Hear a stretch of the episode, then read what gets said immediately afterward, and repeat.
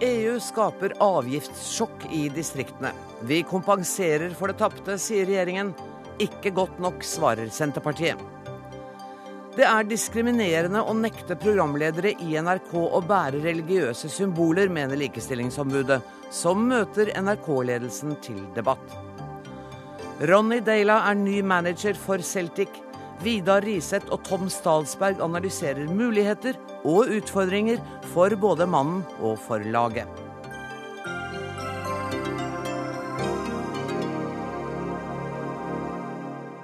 Dette er fredagsutgaven av Dagsnytt 18, der vi også skal minnes mannen bak utsagn som f.eks.: Det vi ikke har lært, kan ingen ta fra oss. I morgen er det 100 år siden Fredrik Stabel ble født. Men vi skal begynne med en sak som er langt mindre morsom, tror jeg. Men før det, Trygve Slagsvold Vedum, eh, du var en beundrer av Stabel. og Han rett og slett trøsta deg? Jeg syns Fredrik Stabel var strålende. Og som tenåring så fant jeg litt trøst i hans uh, eller Darwin P. Erlandsen, for å være helt korrekt. Hans alter ego, ja. ja. alter ego, Og det var 'Mitt kjærlighetsliv volder meg ingen kvaler, jeg elsker meg selv og har ingen rivaler'. Heldigvis er det gått over. Jeg uh, tipper at du egentlig hadde mest lyst til å være med på den saken. Den kommer vi tilbake til. Nå, mine herrer, uh, litt mer alvor. 1.7 får bedrifter i Nord-Norge en avgiftssmell. EU og ESA har endret regelverket for støtte til regioner. Det betyr at Norge også må gjøre om sitt regelverk. Og i dag la finansminister Siv Jensen og kommunal- og regionalminister Jan Tore Sanner fram regjeringens forslag til kompensasjon for kommuner som blir rammet av regelendringene. Var dette til å begripe, Jan Tore Sanner? Det jeg sa nå? Det, det var slett ikke så gærent. Takk skal du ha. Eh, men, eh, men det aller viktigste det er jo at ordningen med differensiert arbeidsgiveravgift den videreføres. Det er jeg veldig glad for. Eh, fordi at det at vi kan ha lavere sats på arbeidsgiveravgiften i Distrikts-Norge, det er det viktigste distriktspolitiske tiltaket vi har for å skape vekst, for å beholde arbeidsplasser og få til, få til utvikling. Det kan så, videreføres, men det blir jo endret? Ja, det, det, det, er riktig. Både til det positive og negative. Det positive er at 31 nye kommuner kommer inn. Det er en avgiftslette bl.a. Eh, til bedrifter i Sør-Norge på en halv milliard. Og så har EU da fastsatt noen såkalte sektorunntak. Eh, det er jo vi kraftig imot, men vi må likevel forholde oss til det som vedtas. Eh, og det de slo fast, det var at bedrifter som driver med transport og energi, de skal ikke kunne ha lavere arbeidsgiveravgift. Men så har vi da jobbet knallhardt nå de siste månedene eh, og fått begrenset skadene mest mulig. Eh, som, som innebærer at f.eks. drosjer kan ha lav sats, at flyttebyråer kan ha lav, lav, sats. Og så presenterte vi i dag, og det er en god nyhet, gode kompenserende tiltak som gjør at de fleste små og mellomstore bedriftene går helt skadefrie, blir kompensert.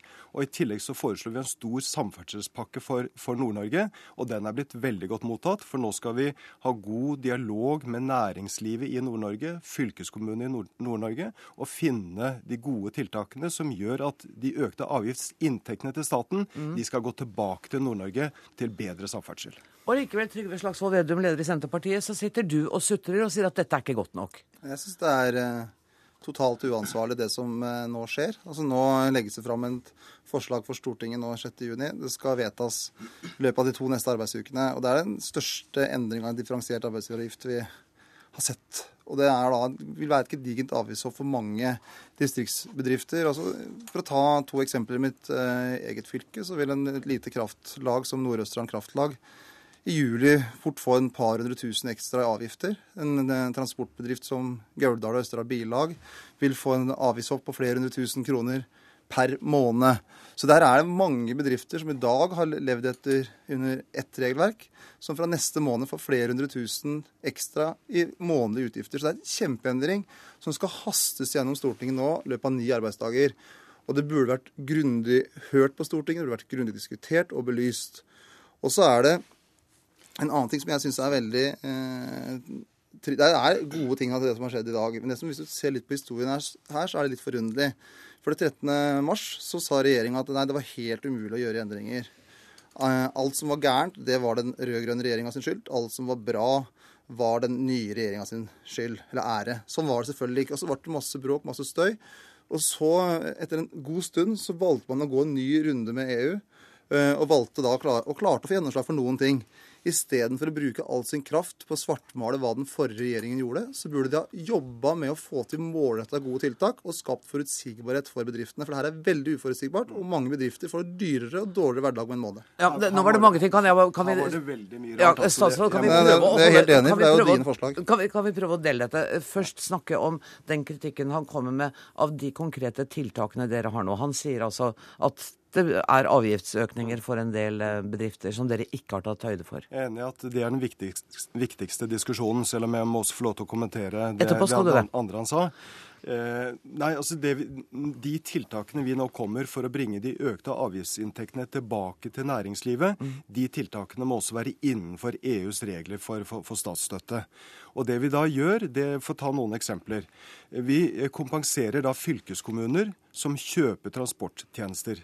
Det kan være buss, det kan være eh, elevtransport, det kan være fylkeskommunale ferger. Vi kompenserer også for statlig kjøp av transporttjenester. Det kan være kjøp av luftfartstjenester som Widerøe, det kan være Hurtigruta, det kan være NSB. Slik at vi sørger for at befolkningens tjenester de skal videreføres og være like, like gode.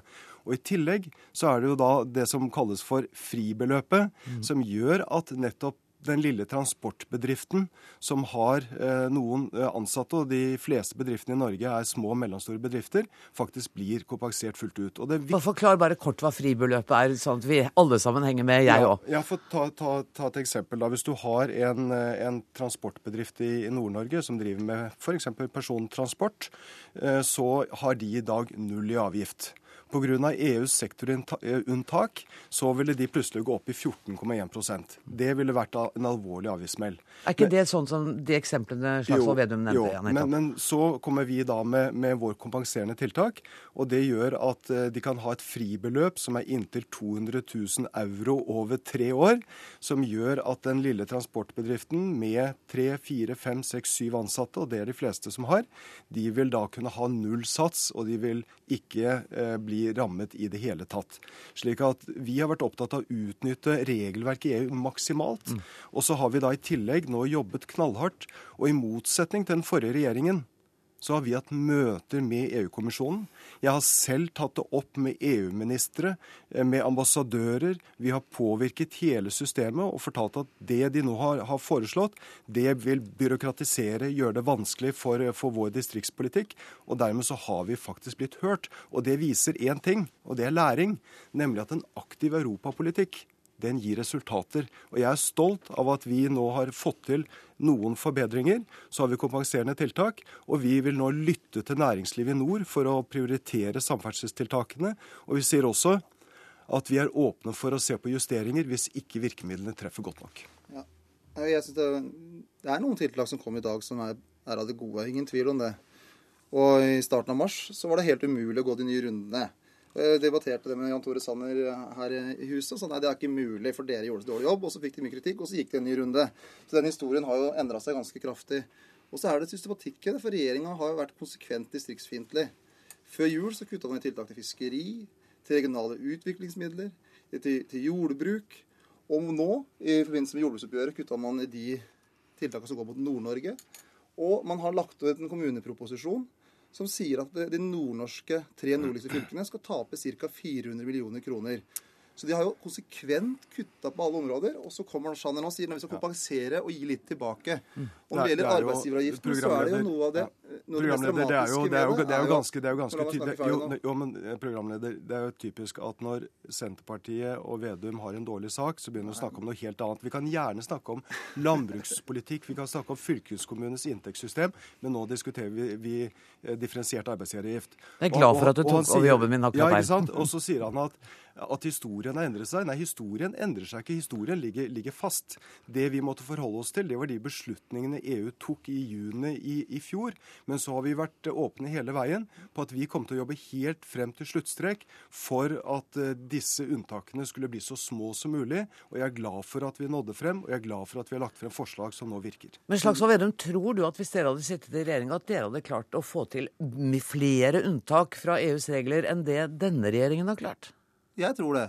Og, og, det dumt spurt av meg, selvfølgelig Jan Tore Sanner Svekka sin egen forhandlingsposisjon voldsomt når du sender et brev til EU og sier OK, vi aksepterer alt. Det gjorde Sanner i mars. Nei, så fikk du masse bråk, masse støy fra hele opposisjonen, fra et samla næringsliv. Så valgte regjeringa å gå en ny runde og fikk mer gjennomslag. Og det er det motsatte av det Senterpartiet gjorde. Vi turte å stå kampen helt ut. Ostetoll er en sånn debatt. Fikk masse kritikk. Mm. Men du, må, du, kan ikke si først nei, vi er enige med dere, og så går det en ny runde. Så det er svekka deres forhandlingsposisjon. Og så er det det med tidslinja. Jeg mener at regjeringa burde ha sagt til EU at det er useriøst å tvinge oss til å innføre de reglene her fra 1.7, når vi ikke har klart regelverket før i starten av juni. For det er bedrifter som vil få flere hundre tusen kroner i regning i juli, takket være at vi og dere nå har gjort en for dårlig jobb. Okay, jeg, jeg, jeg, tar, jeg, tar, gjerne en dis diskusjon om historien, selv om jeg tror at folk flest syns at den er ganske uinteressant. Men det man skal merke seg, det er at Navarsete nå i ettertid har erkjent at eh, våren 2013 2014, eh, da, 2013, eh, unnskyld, så kjente hun til at disse sektorunntakene ville bli innført, men valgte å ikke informere Stortinget om det. Det mener jeg er uansvarlig. Nå er vi da i den situasjonen at, har, at dette er vedtatt. Nå har vi fått på plass en bedre ordning. Vi kompenserer næringslivet og skal diskutere gode samferdselstiltak for, for Nord-Norge. Og så er vi til og med åpne for å justere tiltakene hvis de ikke treffer godt nok. Jeg skal la dere to ta pinseferie nå, og så kommer vi til å diskutere denne saken igjen når disse tiltakene er eh, satt i verk etter 1.7. Ha en strålende pinse begge to. Jan Tore Sanner, Trygve Slagsvold Vedum. Dagsnytt 18 alle hverdager klokka 18. På NRK P2 og NRK2.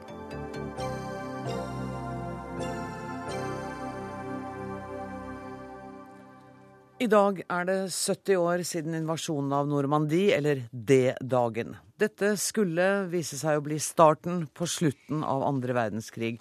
Og D-dagen regnes som en av vår tids største militære operasjoner. Reporter Joakim Reigstad, du er i Normandie. Hvordan har denne dagen vært? Det har vært en uh, følelsesmessig opp og eh, nedtur. Eh, for min egen del så har jeg vekslet mellom å bruke servietten til å tørke en tåre i øyekroken og svette i pannen, for det har vært veldig varmt. Hvilket selvfølgelig også har vært eh, krevende for de mange veteranene som er med på denne markeringen. Det er en dag som har selvfølgelig hatt stor, stort preg av seremonier. Dagene startet for de norske veteranene med en fransk-norsk markering i Ørmenville en by som er veldig spesiell fordi eh, KNMs venner ble senket eh, like utenfor eh, det, den byen, og 31 nordmenn mistet livet. Og så har det vært den store internasjonale markeringen som nå er avsluttet ute i Oysterhamn, hvor jeg står nå. Her har statsledere fra 19 land vært til stede. Blant dem og vår egen konge først og fremst, men også president Barack Obama, dronning Elisabeth, har vært her. Vladimir Putin. Ja, det er en lang rekke celebriteter og statsoverhoder. Hvor mange norske krigsveteraner er det som deltar i denne markeringen? Det er syv krigsveteraner som er med på turen med vel så forskjellige historier. Noen har vært i handelsflåten, andre har vært i marinen. Mens noen igjen har vært i Luftforsvaret og fløyet kampfly over eh, Normandie i forbindelse med invasjonen her og D-dagen i, i, 1944. Er den eh, markeringen eh, nå over, eller kommer det til å fortsette utover i helgen? Ja, den, den, offisielle, altså den store markeringen er over. Men dette, altså markeringen som sådan er ikke over. Først nå så skal de norske veteranene til eh, mottakelse og middag som forsvarssjefen er eh, vert for. Det er en såkalt D-dag-middag. Og I morgen er det også et eh, tett program for dem. Da skal de på den amerikanske kirkegården som ligger ved Omaha Beach. Et svært mektig område å besøke. Mange graver og ukjente graver som ligger der like bak området hvor mange amerikanske soldater gikk i land og ble skutt og drept av tyskerne som prøvde å forsvare Eh, Normandie fra eh, overtakelse av de allierte styrkene. Takk skal du ha, reporter Joakim Reigstad i Normandie. Palle Ydstebø, du er oberstløytnant ved Forsvarets eh, stabsskole. Hva var det egentlig som skjedde denne dagen for 70 år siden? Ja, det som skjedde, var at uh, briter og amerikanere fikk i land 150 000 soldater i løpet av morgentimene 6.6. Um, da hadde en 24 000 av de hoppa i fallskjerm eller landa med glidefly uh, rundt, fra midnatt og utover. Og de klarte å bite seg fast og hindre tyskerne å kaste dem på sjøen igjen. Hvordan var det mulig å holde det hemmelig, sånn at tyskerne ikke visste at dette kom til å skje? Um, det, det, er en ganske omfattende historie. Men det var delvis fordi at britene hadde klart å knekke tysk etterretning i Storbritannia. Uh, de lagde en uh, stor sånn villedningsmanøver med en hel, uh, altså simulerte hel armégruppe. Dvs. Si flerfoldige hundre tusen mann i Kent med den berømte George Patton som, som sjef. Og de kan si, de lot de tyskerne få se, men de fikk ikke se noe annet. Så var det ekstremt sterk uh, operasjonssikkerhet med isolering av de avdelingene som skulle ut. Uh, datoer, uh, strender, ingenting ble kjent før omtrent de var i, i båtene. Sånn at, og De allierte hadde jo totalt luftherredømme, så tyske rekognoseringsfly slapp ikke inn over Storbritannia. Pluss de hadde sine dobbeltagenter som, som, ga tyskerne feil informasjon. Altså, og forsterka deres tro på at en invasjon den kom, men den ville komme lenger nord over Dover-Calais-stredet. Hvor lang tid gikk det før tyskerne begynte å trekke seg tilbake? De trakk seg ikke tilbake. De, ble, eh, de allierte måtte tygge seg gjennom forsvarsverken der. Eh, og Det drev de på med i nærmere to måneder før de fikk et gjennombrudd i eh, tidlig august og, og, klarte å omringe og ødelegge en del av den tyske hæren. og da, deretter, Først da begynte tyskerne å trekke seg tilbake. Men da, da var gjennombruddet oppnådd, og da, da var de på, på vikende front. På hvilken måte var norske styrker involvert i eh, denne invasjonen? Hovedsakelig så var det Viktigste bidrag var ca. 50 eh, handelsfartøyer fra handelsflåten. Eh, I tillegg så var den norske marinen med, tre jagere, deriblant Konum Svenner, som ble senka, som vi hørte. Mm. Og en tre korvetter og et hjelpeskip. Sånn at du hadde en par tusen norske sjøfolk både i handelsflåten og, og på disse krigsskipene som var med. I tillegg så var de to norske jagerskvadronene, 331 og 332, eh, eh, hadde jo operasjoner over for å sikre strendene mot tyske flyangrep. Guri Hjeltnes, du er historiker. Nå har vi snakket om selve militæroperasjonen. Men hvordan, hvordan var egentlig situasjonen i verdenskrigen denne D-dagen? Altså, øh, Verdenskrigens siste år, 1944, er jo invasjonenes epoke. I Stillehavet, i Middelhavet, den franske kanalkysten. Og D-dagen og etableringen av annen front var jo begynnelsen til slutten.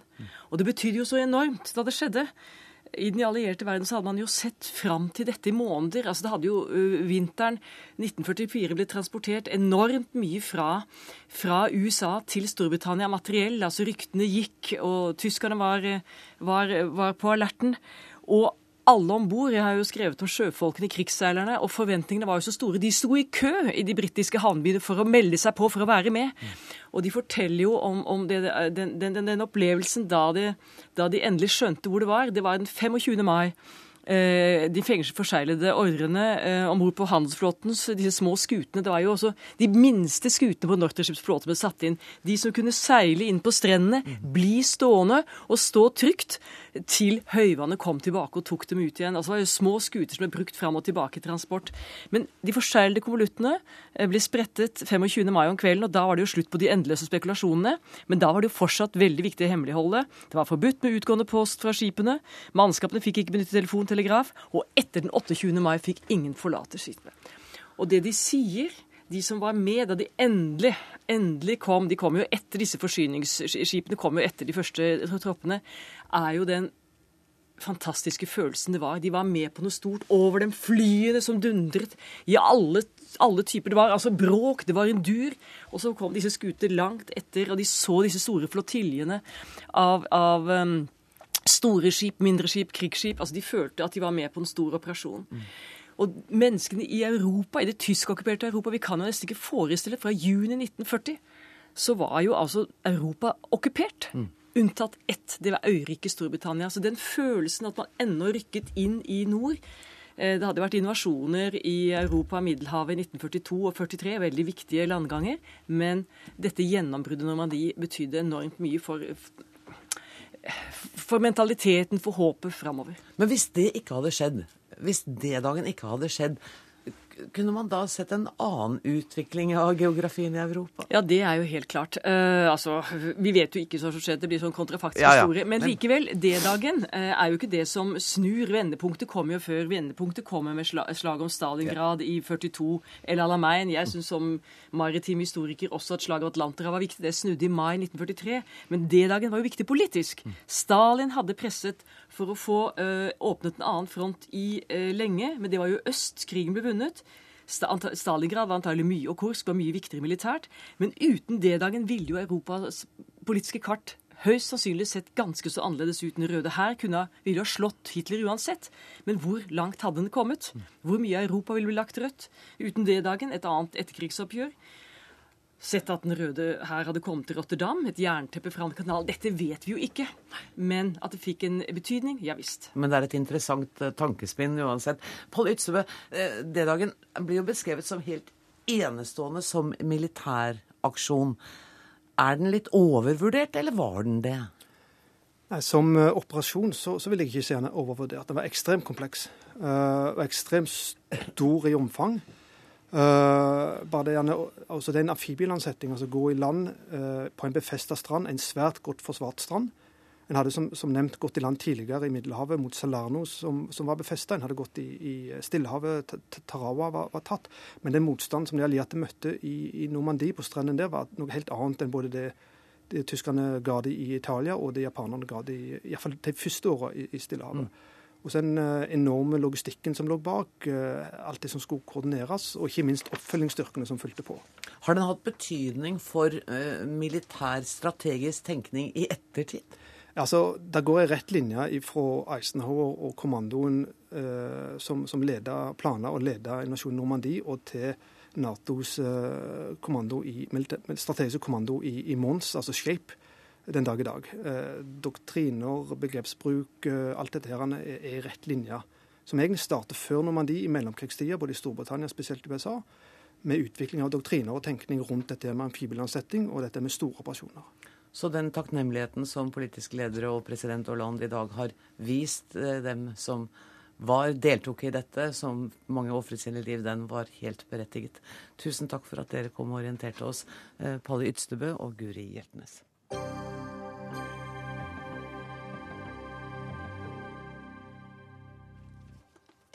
Programledere i NRK bør ha lov til å bære religiøse symboler på jobb. Det mener Likestillings- og diskrimineringsombudet.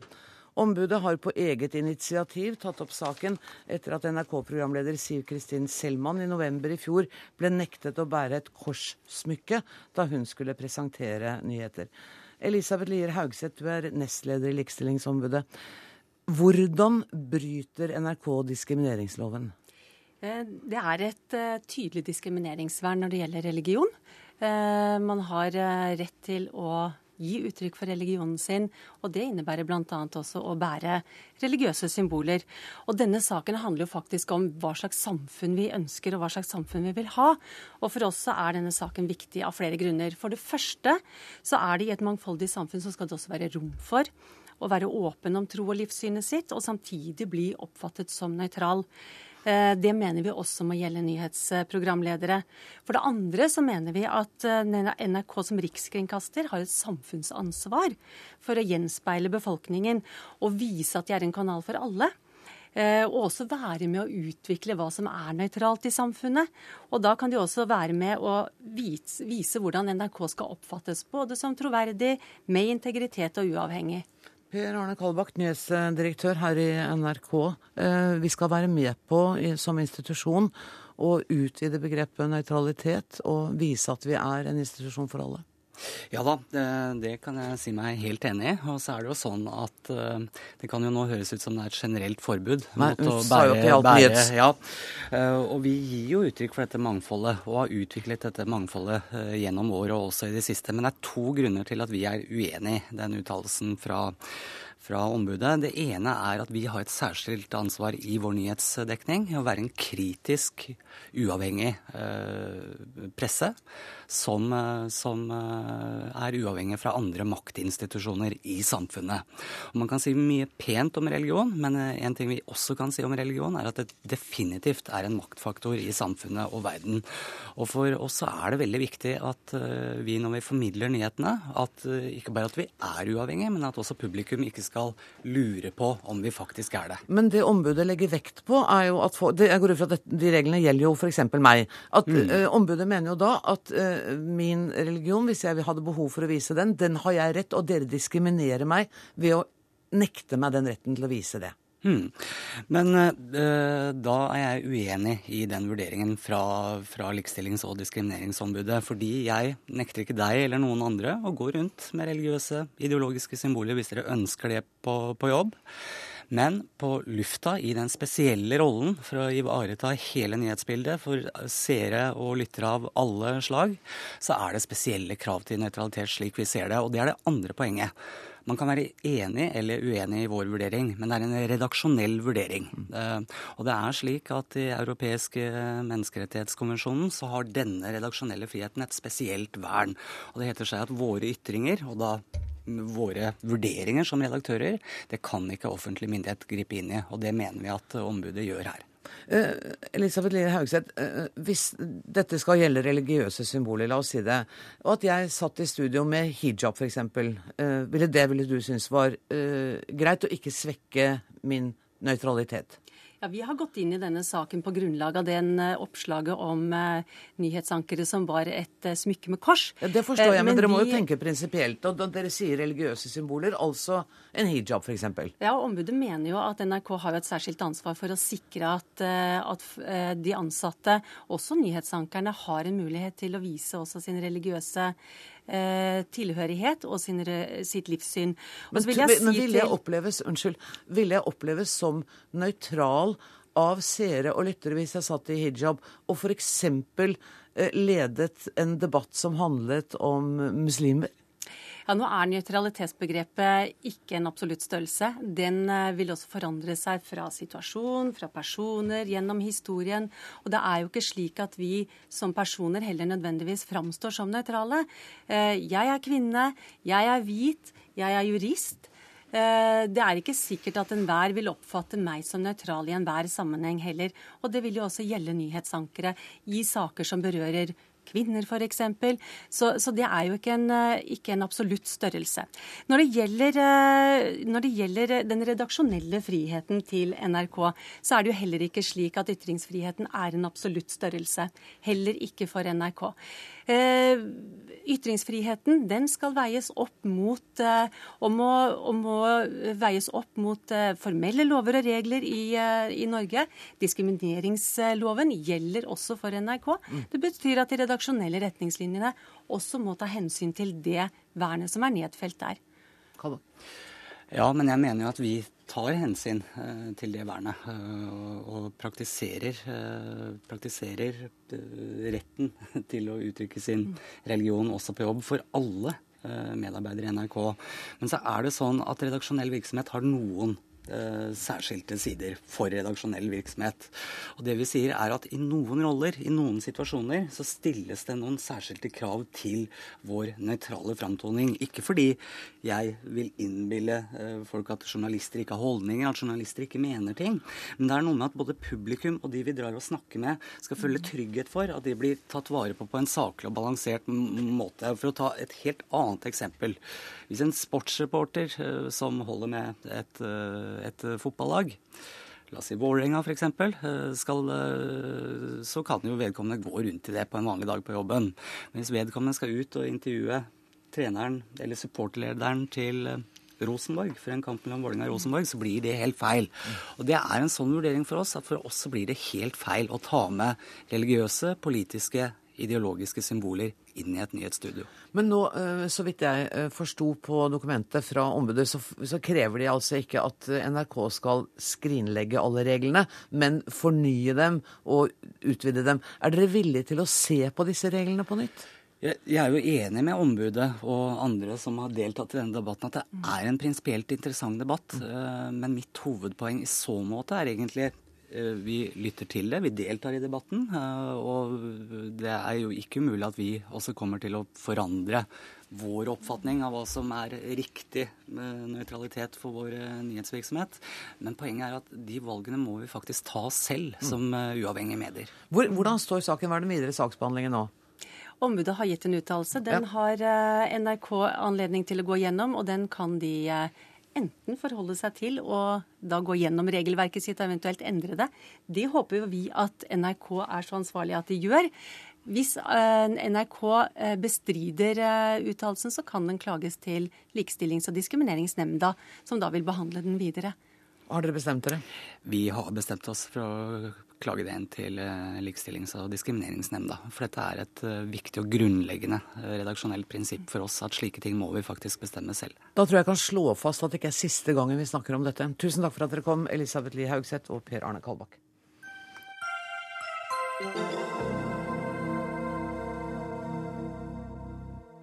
Man kan si hva man vil om Napoleon, men bake kaker, det kunne han. Dette er bare ett av Darwin P. Erlandsens mange visdomsord. Det er også brukt i tittelen på boka om Fredrik Stabel, som nå utgis i forbindelse med minneutstillingen, som markerer at det er 100 år siden han ble født. Fredrik Stabel er for de fleste av oss kjent som grunnleggeren av Dusteforbundet i Dagbladet, og alter ego til presidenten i samme forbund, Darwin P. Erlandsen. Men Anne Mette Stabel, for deg var han mer pappa enn president? Ja, det er klart det. For et barn så er det pappa som er sentral. Det er det. Du har skrevet et kapittel i uh, denne boka som heter 'Pappa og president', og det, det tok jo mange år før dere visste at han var president. Ja, jeg tror ikke han involverte oss, og det hadde sikkert vært helt fåfengt også, i, i sitt arbeid. Kan ikke du sette deg litt Jo, nærmere unnskyld. den mikrofonen? Ja, sånn, blir- ja. Ja, ja, okay. Eh, hvordan, hvordan var han som pappa? Han var en veldig tilstedeværende pappa. Han var jo alltid hjemme. Så rent sånn fysisk så var han jo bestandig der. Eh, Og han var veldig nær oss som barn. Vi er jo to søstre som er vokst opp sammen. Veldig tett.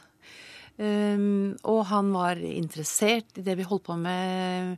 Leken, eh, morsom, rar. Var han morsom? Ja. Ja, jeg syns han var morsom. Jeg, det, jeg tenkte på det du spurte meg i morges, hvordan var det å vokse opp? Og så tenkte jeg jo, det var morsomt. Eh, Det var kanskje også litt rart, og det var mangfoldig hjemme. Um, og det var nok eh, hva skal man si, var, Han hadde vel også et dyp, et mørke. Eh, det tror jeg alle humorister har. Um, da tror jeg bare han var inne på arbeidsrommet sitt når vi var barn, så vi merket jo ikke noe til det. Men du skriver at dere merker at det var noen dager der han ikke skulle snakkes til og Ja, forstyrres. det, det, man tar sånne signaler. Hvor han gikk sånn taus gjennom rommene og, og bare var på arbeidsrommet sitt. Ja. Var han sånn ordflink som Mm. vi elsker ham for? Var han det i det daglige i omgang med dere? Ja, på et vis. Jeg tenker jo at jeg har en oppvekst hvor, hvor språk er veldig viktig. Altså hvor samtalene rundt, eh, etter hvert som vi ble større, rundt kjøkkenbordet, debatter og en del sånne ting, eh, da, da var det det å ha en god replikk. Og det å kunne snu og vende på ord og, og uttrykk, ja. Eh, Men det er klart at han, han var jo ikke den offentlige stabel hjemme. Det er jo akkurat det spennet vi er vokst opp i. Mellom denne veldig private og nære og av og til da litt lukkede pappaen, og, og denne offentlige figuren. Eller de, for det var jo flere. Det var- det var Ja, mange. det var mange, ja. ja. Eh, Han var jo en, en mann av sin tid, ikke en mann som delte følelser eller snakket veldig gjerne om vanskelige ting. Eh, og du var jo voksen da han sa, sa at han hadde noe han måtte fortelle. Ja. ja, jeg var jo veldig voksen. Det var jo bare noen få år før han døde, to eller tre år. Så, så var jeg hjemme øh, og laget middag til ham. De, den store andre familien, resten av familien var ute på båttur, og det orket ikke han lenger. Og da, etter at vi hadde spist, så sier han mens jeg vasker opp, at det er noe jeg må fortelle deg før jeg dør. Og det er jo en replikk som ikke jeg klarte å håndtere og si hva, hva er det, liksom. Men han fortsatte selv og, og fortalte at uh, han hadde vært gift en gang før, ti år før han traff min mor, og at han hadde fått et barn. Og at det barnet ble veldig skadet under fødselen. Eh, og simpelthen satt bort eh, ganske tidlig. Eh, og det var jo en veldig overraskelse for meg å få vite det. Og, jeg klarte ikke å hadde, Som jeg skriver i boken, jeg hadde ikke noe språk for å, å snakke om det. Eller vi hadde ikke det. Så, så han hadde nok valgt repertoaret, hva vi snakket om. Veldig. Det tror jeg. Og jeg utfordret kanskje ikke det. Mm. Så, men Traff da fikk han jo i hvert fall fortalt det. Mm. ja. Traff du henne noen gang? Nei, jeg traff henne aldri. Hun døde mm, kort tid etter pappa. Og eh, jeg gikk i begravelsen sammen med min mor. Mm. Og fikk lov til å komme hjem til det, den institusjonen hvor hun hadde bodd. Mm. Og der var det et tegn fra faren din på veggene, skjønte jeg. Ja, det var jo det. Det var bilder av, som han hadde laget. Det var fotografier av ham. Og det var også et bilde av åpningen fra Fredrik Stabel av Avistegnernes hus, hvor jeg klipper den røde snoren. Så det var et sterkt møte, det. Mm. Um, var Dusteforbundet et tema Nå, nå skifter jeg litt brått. Ja, ja. Mm. Jeg kjente at jeg hadde plutselig heller ikke språk mhm. for egentlig å ta inn over meg det du fortalte nå. Um, var Dusteforbundet et tema han snakket gjerne med dere om? Ja. Mm. Etter hvert som vi ble større Til å begynne med så var det jo bare tegningene vi fikk være med og se på. Han tok oss med inn på rommet og viste oss hvordan han arbeidet. Men etter hvert når vi ble tenåringer og, større, eh, søsteren min og jeg, så, så involverte han oss i søknader. Eh, og de ble diskutert. For det han var aller mest redd for, det var jo at han skulle ta inn noe i spalten som eh, som var ment eh, morsomt og humoristisk, og at han skulle bomme, som han sa. Mm. Så, og den aller viktigste konsulenten hans, det var jo mamma. Liv. Mm. Ja. Du har samarbeidet i denne boken. Den er altså redigert av Robert Meyer og Steinar Vik. Og en av de som er bidragsytere her, er jo Jon Arne Markussen, mm. sjefredaktør i Dagbladet. Mm. Um, og du skriver om Stabels metode. Og så skriver du at han er en stor kunstner og en av Norges mest geniale humorister. Du tar kraftig i her. Eh, ja, eh, men jeg tror faktisk eh, at jeg kan stå inne for det. Og jeg tror faktisk at mange vil uh, være enige med meg. Um, han, uh, han, var genial. Det er litt Wesensten, det er litt Monty Python. Det er, det er ordspråksjangeren, måten han behersker den på. Absurdisten, sant. Nei, det, jeg syns det er helt fantastisk, altså. Hva, hva syns du er best Nå har jeg sittet og sett i denne utrolige boka uh, og sett på tegningene på en annen måte. Hva er best? Er det tegningene, er det kommentarene, er det det han uttrykker om livet? Ja, det, det henger jo så nøye sammen. Um, jeg skriver vel noe i boka om at jeg syns disse bildene hans de er jo nesten frosne. De er jo det er jo scener fra nærmest fra teatret. Med disse merkverdige figurene. Um, og det er jo som Arve Solstad sier til meg når jeg intervjuer han. Eh, ingen kunne tegne gulvtepper sånn som Fredrik Stabel. Altså, det er en detaljrikdom, uh, finesser i det, uh, som, som, bare er helt fantastisk. Du, blir, du, finner nye ting hver gang du vender tilbake. Mm. Og så kommer han med, med sånne jeg, må bare, jeg satt og leste dette høyt hjemme i går. altså Han sier bl.a.: Tilværelsen er for meg etter hvert blitt mer og mer av et faktum, uttalte forfatteren Didrik From jr. tidlig i dag morges. Uttalelsen stemmer fullt ut med mine egne jakttagelser. Darwin P. Erlandsen, president. Det er mulig det er bare meg, men at jeg syns det er så utrolig bra. Ja. Um, altså det er, jo så, det, er jo så, det er jo så finstemt. Mm. Ehm, og det er jo denne hårfine balansen som Anne sier om, om, dette å ikke vippe over, men å klare denne balansen. Altså Selve organiseringen av materialet eh, er jo det som gjør at jeg kaller dette for Stabels metode. Og Han kommer jo fra en familie hvor det er så mange pertentlige og nøyaktige jurister. Og, og jeg aner også juristen bak her. Her er det, her er det orden, altså. Eh, eh, ja, det er finstemt. Og, og, så skriver du at han hadde et eget øye for dårskap, for selvhøytidelighet og arroganse. Og mange vil jo si at det hadde vært behov for et slikt øye i avisa di ja. i dag også? Ja, nå er det vel vi kanskje en bærer av akkurat denne tradisjonen. Og det er klart at Fredrik Stabel med Dusteforbundet, når det vokste fram dette, så skjer det samtidig med, altså med at Norge vokser fram som velferdsstat, byråkratiet vokser. Og dette med hans Han bestemmer seg jo for at han skal punktere all denne selvhøytidelighet, all pompøsitet. Um, uh, I det hele tatt ta tak i alt dette, og han gjør det jo så vidunderlig med, når, når han setter i gang. Uh, så ja, vi hadde trengt det i dag. Og hvis han hadde vært her i dag, å, han hadde kosa seg. Lykken spør ikke om ytre kår, den finner veien så vel til millionær som til milliardærhjem, sa han blant annet. Men, men uh, Anne Mette Stabel, uh, det å bestemme seg for at ja, jeg vil fortelle om pappa og mitt forhold, og fortelle den historien, hvor var det vanskelig? Uh, det er klart at det er, det er, noen overveielser jeg har gjort, og jeg har jo lurt på det noen ganger. Nå, nå, begynte jeg jo med det for ti år siden, da det var en minneutstilling. Da fortalte jeg det ikke, om Ket f.eks., men jeg fortalte masse andre versjoner av historien om pappa.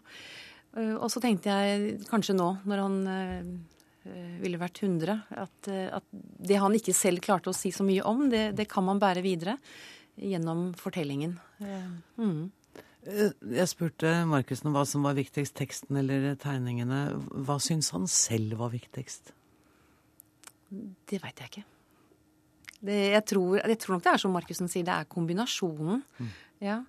Og han han klarte vel aldri helt å bestemme seg for hva han skulle bli. Han, han gjorde veldig mange ting. Så han, han gjorde mange ting. Ja. Veldig mangslungent yrkesliv mm. før han da ble fast ansatt til slutt mm. eh, av Arve Solstad i, i Dagbladet.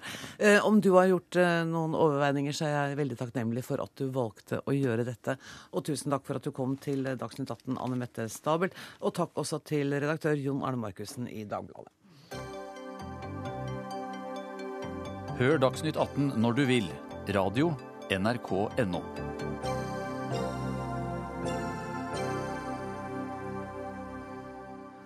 Fotball nå i Dagsnytt 18. For i dag ble Ronny Deila presentert som ny manager i det skotske fotballaget Celtic. Han forlater Strømsgodset, som hadde ledet til seriegull i fjor.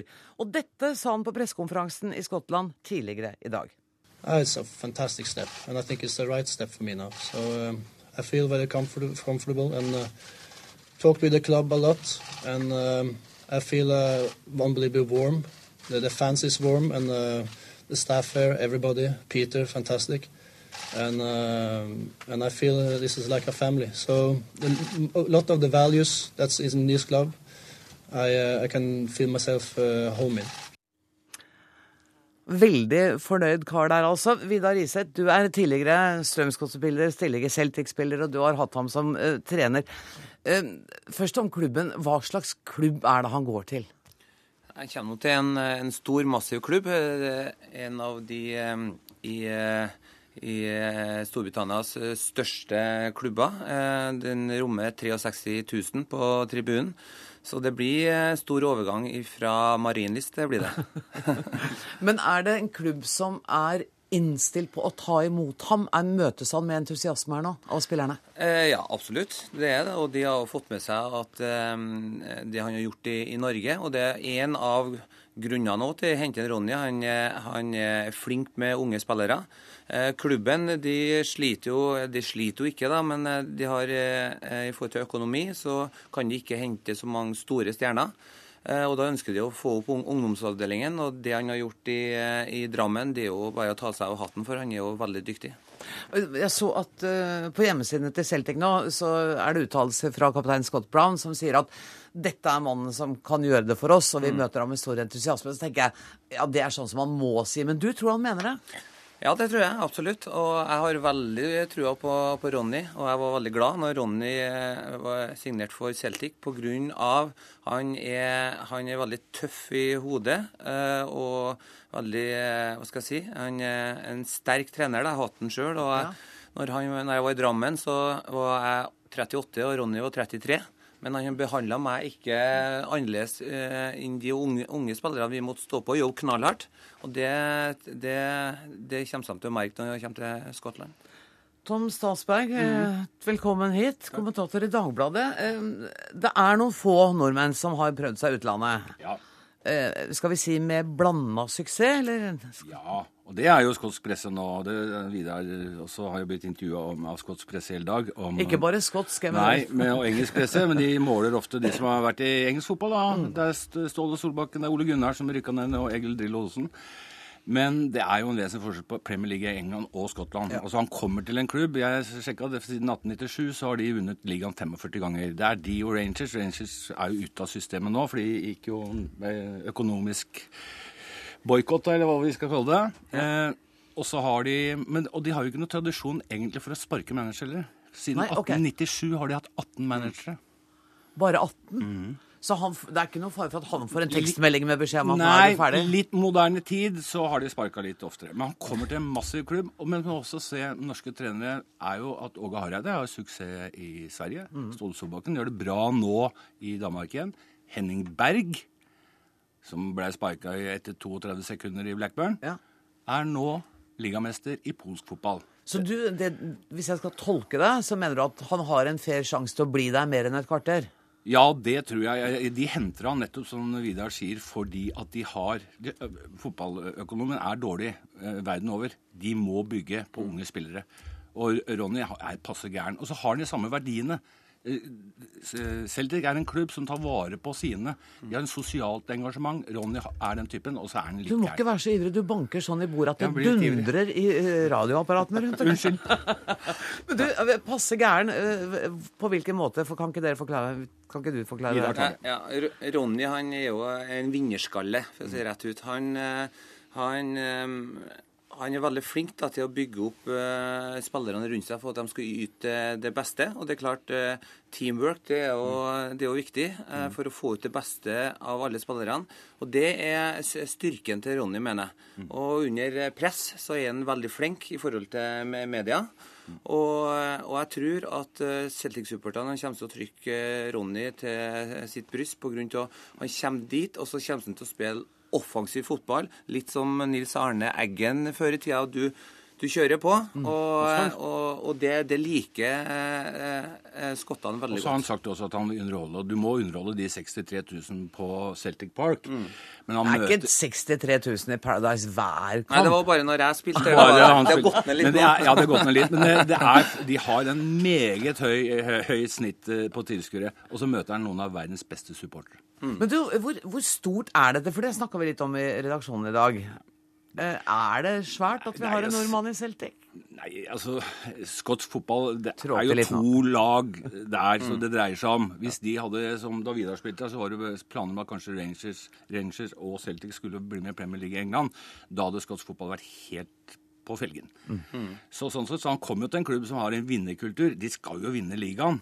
Men han må kvalifisere seg til Europa. Det er det han måles på. Som Neil Lennon nå har gjort et par ganger, og gjort det bra. Han slo Barcelona. Jeg mener nesten hele Skottland gråt, unntatt protestantene. Men, men han får jo en litt tidlig sesongstart, da. Ja, han får en tidlig sesongstart, så han må, han må starte å jobbe med sine tanker eh, veldig fort nå. Eh, Det er klart at, eh, Men det, det er sånn som, sånn som du sier, at det, det er viktig. Han, nummer én, han må vinne gull i, i ligaen. Og nummer to, han må ta hjem eh, cupen. Og så i Champions League så må han vise at når du går ut der og mø, møter de storhetene eh, Lennon, han, han spilte, når, når han var der i 2010, så slo de Barcelona hjemme 2-1. Og da spilte de veldig offensiv fotball der. Og da, det, det er jo veldig bra. Så da har man noen gode resultater inn mot Champions League og kvalifisere seg. Så det, det er tøffe mål, men eh, jeg har trua på at Ronny greier det. Han har bare tida veien, for det begynner i juli, dette her. Ja, og fire av spillerne fra Celtic er med i VM. Mm. De er jo VM-tropper. Så det er spennende. Jeg, det er, vi går i pinse, og det er det dag, og vi har respekt. Jeg syns det er litt morsomt at vi har en trener i Celtic. Ja. Det er the boys, det er the hoops. Hvordan er stemningen i Strømsgods? Er de lei seg nå? Altså, han har jo sagt at han er litt klar for å, å bytte nå. Han var klar for å gå til en klubb i Europa. Han hadde ikke trodd det skulle bli en så stor klubb. Men er det dårlig stemning i Strømsgodset, tror du? Nei, Ronny har vært fair overfor Strømsgodset-fansen og klubben hele veien. Han sa, når han signerte ny avtale nå, så sa han at han ønsker seg ut. Så kommer det et tilbud, så har jeg lyst til å gå.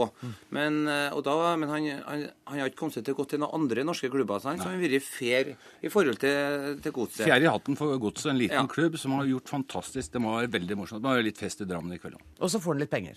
Det gjør han. Ja. Det hører med. Og det er han vel unnt. Og så Ja. kommer han til å få skotsk aksent på engelsken sin. Ja, det må Ja, få. det blir jo sånn ja. Jeg regner med at uh, først uh, Jeg har prata litt med Ronny om det, for det er jo sånn eh, eh, Yes. Du sier jo ikke yes, eh, sant? du sier I, sier taxisjåførene. Så han må begynne å lære seg litt uh, skott. Må lære seg å snakke flytende Johnny Walker. Han kan ta seg en prat med Kenny Daglish når han er innom, og da, da sliter han litt. tror jeg. Det blir spennende. Flytende Johnny Walker er siste rådet fra Tom Stalsberg. Tusen takk for at dere kom, Vidar Iseth og Tom Stalsberg.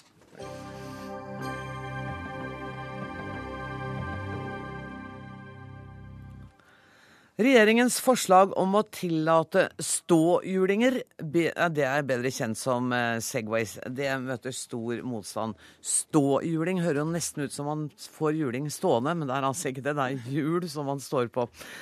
Omtrent samtlige instanser som har sendt inn høringssvar, har vært eh, skeptiske. Kristin Øyen, kommunikasjonssjef i Trygg Trafikk. eh, Det, ikke minst dere har jo vært veldig skeptiske. Hva er etter din mening det største problemet med disse to, elektrifiserte tohjulingene som man står på? Mm. Det største problemet syns vi er at eh, det er ikke noe rom for det i norsk eh, vei- og trafikkmiljø. Det er, det er jo dårlig tilrettelagt for sykling i Norge. Og så skal man i veldig smale sykkelfelt, sånn som her i Oslo f.eks., ha en Segway som tar større plass og som veier 50 kg. Det er fem-seks ganger mer enn min vanlige tråsykkel gjør. Og Men de skal jo også kunne gå på fortauet? skal de ja, ikke? sant? Og i tillegg skal de være på fortauet. Og jeg ser jo at Blindeforbundet og andre er bekymra for det. da, Og det tenker jeg også. Vi har, I Norge har vi sånn blanda gang- og sykkelveier. I veldig mange land hvor Segway er tillatt, så har man jo tydelig delte veier for sykkel og for de gående.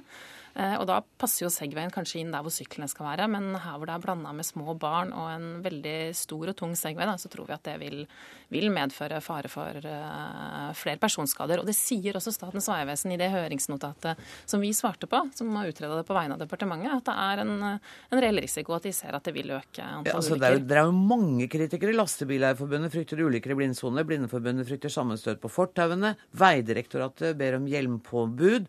Oslo-politiet frykter farlige situasjoner. Jeg vet, jeg kan bare fortsette, samferdselsminister. Ketil Solvik-Olsen, har du skaffa deg en, eller? Nei, jeg har ikke det. Og jeg kommer nok ikke til å kjøpe heller. Gjør du ikke? Nei, ikke, jeg har ikke behov for det. Men holdningen vår Men hvem er det som har behov for det, tenker du? F.eks. folk som jobber i store lagerhaller. Folk som gjerne patruljerer mye, men som begynner å bli dårlige til beins, vil fortsatt kunne bevege seg rundt ved å ha en Segway. Sånn at dette kommer nok ikke til å være allemannseie, men i enkelte situasjoner så er Segway en grei måte å som sagt, komme seg rundt på flate, greie areal. Holdningen vår er altså at selv om jeg ikke personlig kommer til å kjøpe en, hvorfor skal jeg forby andre fra å gjøre det? Det er jo det som vi har reagert på, som har drevet valgkamp på, at vi må ha et samfunn der vi faktisk kan si ja til ting, og ikke alltid automatisk forbyr det som en selv ikke ser den personlige gleden i. Det var forbudt å ha rullebrett i Norge, ikke sant? fordi det kunne være farlig. Nå ser du rullebrettfolk mange steder som, som har glede av det. Du bygger opp en kultur og et miljø. Du har folk som blir kjente i verden fordi at de lærer seg dette. På samme måte ja, er det større fare for at det kan bli skade på at det er Segwayer i miljøet? Ja, gitt at de ikke var i miljøet. Så er det så- så- så- sånn. Hadde du tatt vekk alle syklister, så hadde du redusert eh, faren for skade i, samfunnet. Hadde du tatt vekk alle biler, så hadde du redusert. Poenget er at må, det at vi tillater Segway, betyr ikke at du fratar folk ansvar for hvordan de ferdes. Om du sykler, går, bruker Segway, kjører bil, tar buss, så har du et ansvar i å vise hensyn. Og Jeg ser ikke det store forskjellen på at du nå har en Segway der hjulene står på siden av hverandre, eller om du får en elektrisk sykkel i bybildet der hjulene står framfor og bak hverandre. Og det er da vi tenker at En Segway er i realiteten det samme som en sykkel. Ser litt annerledes ut, går ikke veldig fort. Folk må vise hensyn. Og kan vi tåle å sykle i bybildet, så er ikke en Segway særlig annerledes. Jeg ble hengende fast litt i begynnelsen av svaret ditt. eh, For du beskrev Segway som på en måte et arbeidsverktøy. Du sa at man eh, ser det for seg brukt i store lagerhaller, og av folk som patruljerer mye, og som kanskje ikke er så gode til beins lenger. Mm. Jeg trodde, sånn som jeg har sett bilder fra California, så har det virkelig vært fritidsbruk. Men det ser ikke dere for dere. jo, det kan godt kan være. det, Og jeg, ja, men altså, jeg skal ikke gå inn og styre de folk ønsker å bruke det, men en, eh, nå er jo Segway en merkevare. Det finnes andre leverandører òg. Det er derfor vi da egentlig kaller det var det En ståhjuling. ståhjuling, eller selvbalanserende. Men Segway funker greit for meg. Men altså, dette, dette er jo et kjøretøy som koster en 50 000-60 000 kroner. Mm. Det er ikke noe du kjøper bare for å ha det moro. Men det er noen flyplasser i Norge der de kommer til å prøve det ut. Nettopp fordi at du, du beveger deg over store distanser, og folk er ulik eh, fysikk. Eh, sånn at, og Det er jo ikke et veldig praktisk eh, kjøretøy som du på en måte bare tar over skulderen. Det er ganske tungt, som ble nevnt. Sånn at For den daglige transporten så er nok sykkel det du foretrekker hvis du skal på en måte gjøre, eh, ha noe som ruller. Men det er altså ingen grunn, syns jeg, til at vi da bare skal si at da må vi forby det. Vi, vi forbyr ting altfor lett, istedenfor å si at vet du hva, dette funker, vi, vi, får regulere det på en god måte. Og så må folk vise ansvar fortsatt når de bruker det. Kristin Øyen mm. maler en, en viss mann på veggen her. For det, det, er jo ikke sånn snakk om at det kommer til å være en million av disse kjøretøyene? Nei, nei det tror ikke jeg heller. Nei. Og hvis det var snakk om å åpne for å bruke det på, på flyplasser og på sånn lukkede andre områder som et sånn transportmiddel, så har jo ikke vi noe imot det. Det er jo ikke vårt bord heller. Vår rolle er jo på en måte å tenke på trafikksikkerhet ute på offentlige veier. Mm. Eh, så det har vi, ville vi ikke hatt noe imot. Og heller ikke sånn type lukka turistgrupper har jeg sett i utlandet. Det kunne jeg godt ha tenkt meg prøvd selv òg. Sett det i Berlin og andre steder. Ja, det ser, det ser gøy ut og ja. fint ut, det. Er En god måte. Jeg har leid bysykler i byer, og det Segway er sikkert et godt alternativ. Eh, men, eh, men, i trafikken i Norge tror jeg ikke det liksom har noe å gjøre. og det er, nei, men Jeg tror ikke det kommer til å ta av. Jeg syklet hit nå fra Sagene, jeg bor der. Det tar meg ett kvarter. Jeg sykler mm. langs Kirkeveien. Og jeg telte 14 sånne fortauskanter hvor jeg tror jeg måtte ha gått av Segwayen og mm. nærmest løftet den over kantene da, Så selv om for å komme fram. ikke sant? For den, den velter lett da, når det er huller. Og i Norge det er jo hullete sykkelveier. Og jeg kunne jo ikke syklet ute i bilveien i Kirkeveien med, eller hva skal jeg si, brukt en Segway der. Det ville jo heller ikke føltes trygt i det hele tatt. Så jeg tenker at det er utrolig upraktisk. da. Så mm. Derfor så tror ikke jeg heller at det kommer til å ta i trafikken, men jeg tror det kan skje enkelte ulykker fordi den er så tung og stor tar opp mye plass, og, og, folk er ikke vant til det. Og du, Fra høringsnotatet deres ja. eh, så klippet jeg hvor, en setning hvor det står at uh, denne har en bremselengde på 6,6 meter mm. ved en hastighet på 20 km i timen. Ja. Til sammenligning så regner en med at en sykkel i samme hastighet har en bremselengde på 3,5 meter. Mm. Dette, ja, dette, er jo selvfølgelig opplysninger dere har og har, har vurdert, men det er ganske dramatisk forskjell. Jeg syns ikke det er veldig dramatisk forskjell. Nei, altså fordi at, ja, det, altså, det er forskjell på en sykkel og en Segway, men i, i alle praktiske formål det tar ikke opp veldig mye mer plass. Det er litt annerledes, men vi syns at dette ligner veldig på en elsykkel, f.eks. Den er mye tyngre? Jo, en, elsykkel er òg litt tyngre enn en vanlig sykkel. Men ja, den er tyngre. Men det, dette er jo ikke en fartsmaskin. Ikke sant? Du snakker om å kjøre gjerne rundt i 10-15-20 km maks. Eh, og du, er du i områder der det er mange andre fotgjengere, så er det ikke mulig å kjøre fort. Sånn at dette vil òg regulere seg selv. Folk skal vise hensyn. Det er akkurat som med syklister. Nå får du altså elsykler som hjelper deg opp i fart til 25 km i timen. Mange syklister som sykler nedover Holmenkollbakken f.eks. er jo oppe i 50-60 km i timen. Det er selvsagt en risiko med det, men jeg mener det er en høyst akseptabel risiko. Det, viser, det handler om at den som bruker det, må vise ansvar de som kjører for øvrig i trafikken, må vise ansvar. Istedenfor alltid å ty til forbudslinja, så mener vi at vi skal vise folk muligheten til å prøve forskjellige ting. Og Det gjør vi med å si at dette er lov under visse kriterier. Og Her sier vi at dette regulerer vi likt som en sykkel. Det høres ikke ut til at statsråden kommer til å ta til følge de innvendingene Nei. dere har. Nei, jeg hører det. Nei, men jeg syns man kunne åpnet for å tillate der hvor man mener at den faktisk egner seg. Da. Og så er det sant, Elsykkel er jo et veldig godt alternativ for de som ikke kan sykle på en tråsykkel, og at det blir for langt eller for tungt å gjøre det. Da. Og Men ville det ikke blitt veldig byråkratisk hvis det skulle vært på visse områder er det lov å bruke den, og visse Nei, områder er det Det er jo på en måte byråkratisk nå. Den skal følge trafikkreglene for syklister, og, men, og på en måte, men også være på fortauene. Og du, er, du, skal ikke ha vikeplikt for det i gangfeltet, for da er du som en sykkel igjen. Og jeg tror folk vil jo ikke være vant til hvordan man i det hele tatt skal forholde seg til det. Tror, men, men, der tror jeg det er ganske etablert hvordan syklister forholder seg til det. Men altså, jeg tror at elsykkel har mye mer framtid i Norge enn en Segway sånn sett. Men, det, men, jeg ser ikke grunn til å forby Segway av den grunn. Men i dag så har vi f.eks. Eh, begynt en endringsprosess på reglene når det gjelder sykler. fordi at i dagens lovverk så kan en eh, elsykkel bli tolka som et motorkjøretøy der du faktisk må ha førerkort og forsikring. Og Det er òg sånn, en del av forenklingsprosessene våre. så det, det er liksom ikke Segway og alt annet er glemt. Dette handler om reformer på breie fronter, der Segway har fått en uforholdsmessig stor plass i samfunnsdebatten. Okay. Men det er en veldig liten sak i den store sammenheng for oss. Ja. Og høringsuttalelsene er kommet inn, og du kommer til å lese det med interesse. Jeg må sette strek for den sendinga. Ja. Jeg bare lurer litt på om du sa helt sant at du ikke hadde lyst til å kjøpe deg en Segway. Det der må vi snakke om. Jeg, jeg har lyst, men ikke råd. Tusen takk til Ketil Solvik-Olsen, og takk til Kristin Øyen. Jeg skal bare skynde meg å nevne at ansvaret for denne sendinga, det hadde Dag Dørum.